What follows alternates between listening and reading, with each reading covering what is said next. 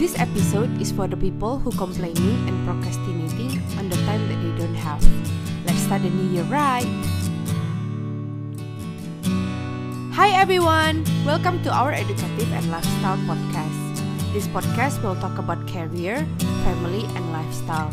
Offer you an insight and dare you to change your perspective because in this podcast, every word counts.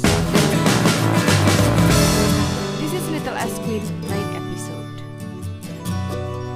Hi DSs, how are you all?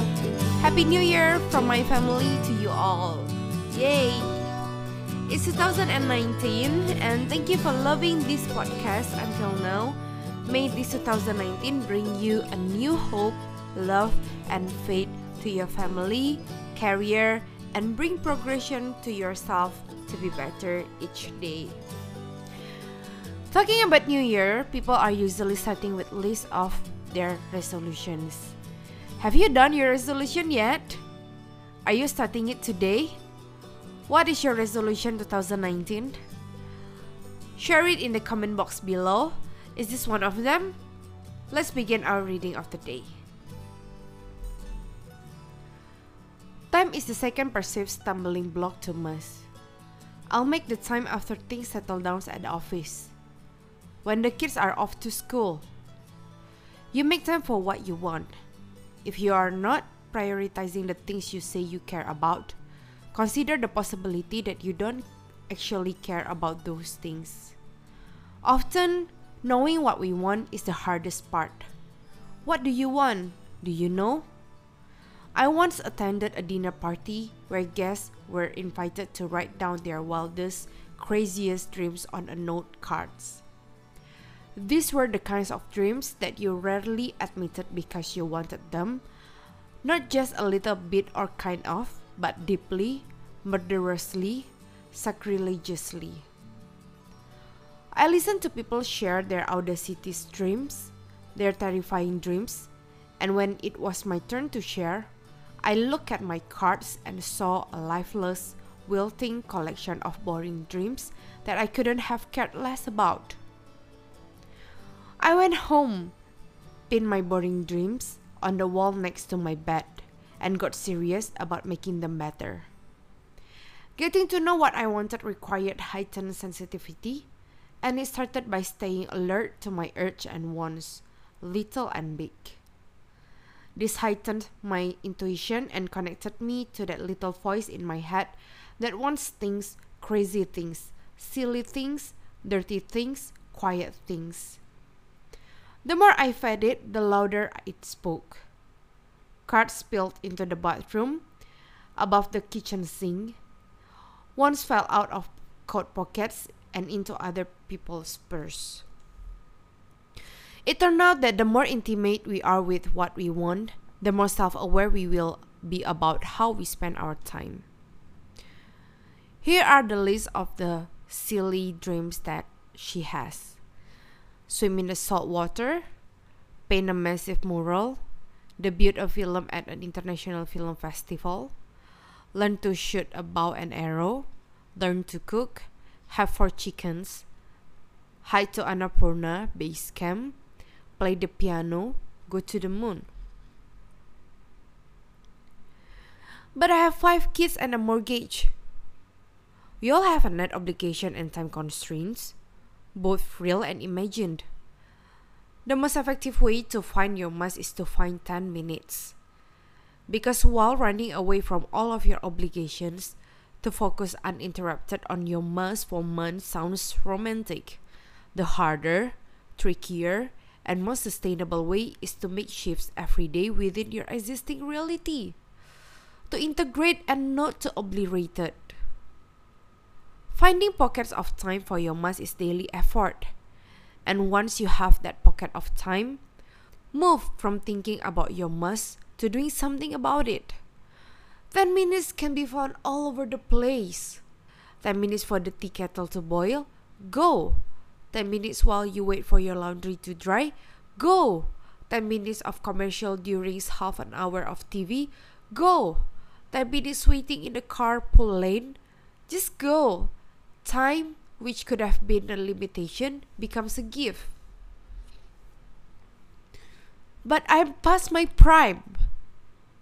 20s, husband and wife duo Ryan and Tina Essmaker were in their 20s when they started an online publication titled The Great Discontent. After three years, they quit their day jobs and turned their part time passion into a globally distributed print magazine featuring interviews on beginning, creativity, and risk. In their 30s, Leonard Cohen was a struggling poet until he traveled to New York to make music. He gave his first major performance at the age of 33. At the age of 40s, Chef Julia Child wandered until she found her calling in food. Mastering the Art of French Cooking was published when she was 49. Really, the more I cook, the more I like to cook, she wrote to her sister in law. To think it has taken me 40 years to find my true passion. Cat and husband accepted. In their 50s, after traveling to Bali and seeing the disrepair of many hundred years of old Javanese houses called joglos, Argentinians architect Alexandra Cisneros used her expertise in sustainable architecture to reclaim, rebuild, and repair the cultural significant structure. With respect and thoughtfulness, Alejandra and her small team are supporting the culture one joglo at a time. Laura Ingalls Wilder, the author of The Little House on the Prairie series, published Little House in the Big Woods, her first book at the age of 64. In the 70s, John Glenn became the oldest person to go into space at the age of 77. You see, another 80s. When she was 81, Jeanette Bedard ran her 12 consecutive New York City Marathon she started running at the age of 68 of running marathons. She has said, I'm going to do this until destiny takes me away. In the 90s, International Design from IDEO hired a 90 year old designer. At the age of hundreds, Grandma Moses, as Anna Mary Robertson Moses was called, produced over 1,000 paintings in the last 30 years of her life after her arthritis made it impossible for her to croquet. She picked up a paintbrush and at the age of 100, she was featured on the cover Time magazine. So, the conclusion is how long will you wait to honor who you are? How long, guys? How long are you gonna honor who you are inside of you? You see, even 100, even the age of 100, some people still can do wonderful things. Anyway, get back to our original plan, original talking about resolution.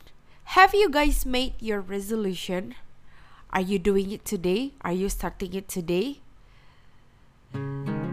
Is stop complaining and stop procrastinating one of your resolution? How about putting 10 minutes each day to find out your must to become your resolution? Because here I see. I learned from a friend that he posted in his IG story about how Mark Zuckerberg create his resolution. Do you know how? He only put one resolution at a year, but specific and has strong personal reasons. For example, he said in 2010 that he wanted to learn Mandarin because he always been interested in Chinese culture. And he feels that learning new language is a great way to learn about culture and he said some of the family member of his girlfriend then and now his wife can only speak Mandarin.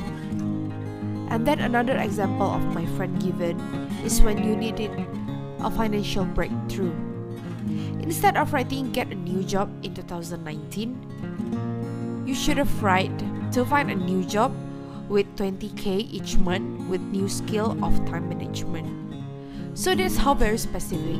And then in case of Mark Zuckerberg, he has a very strong personal reason why he wants to learn a Mandarin. Hence, instead of saying quit procrastinating, I'm saying I will dedicate 10 minutes per day when I'm making a coffee to find out my must.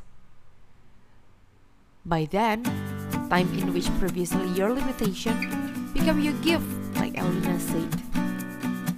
Above all, isn't it resolution must be specific and measurable? I hope that this episode bring you a new perception on how you start the year right. Next episode we'll talk about another common procrastinating topic when achieving your must, and it is space. Do we need space when we start our must? Find out next. Thank you for listening. Don't forget to follow us in our social media page Facebook, Twitter, Instagram at Little Ice Queen. Or you can say hi to me personally at Vanessa Churchill.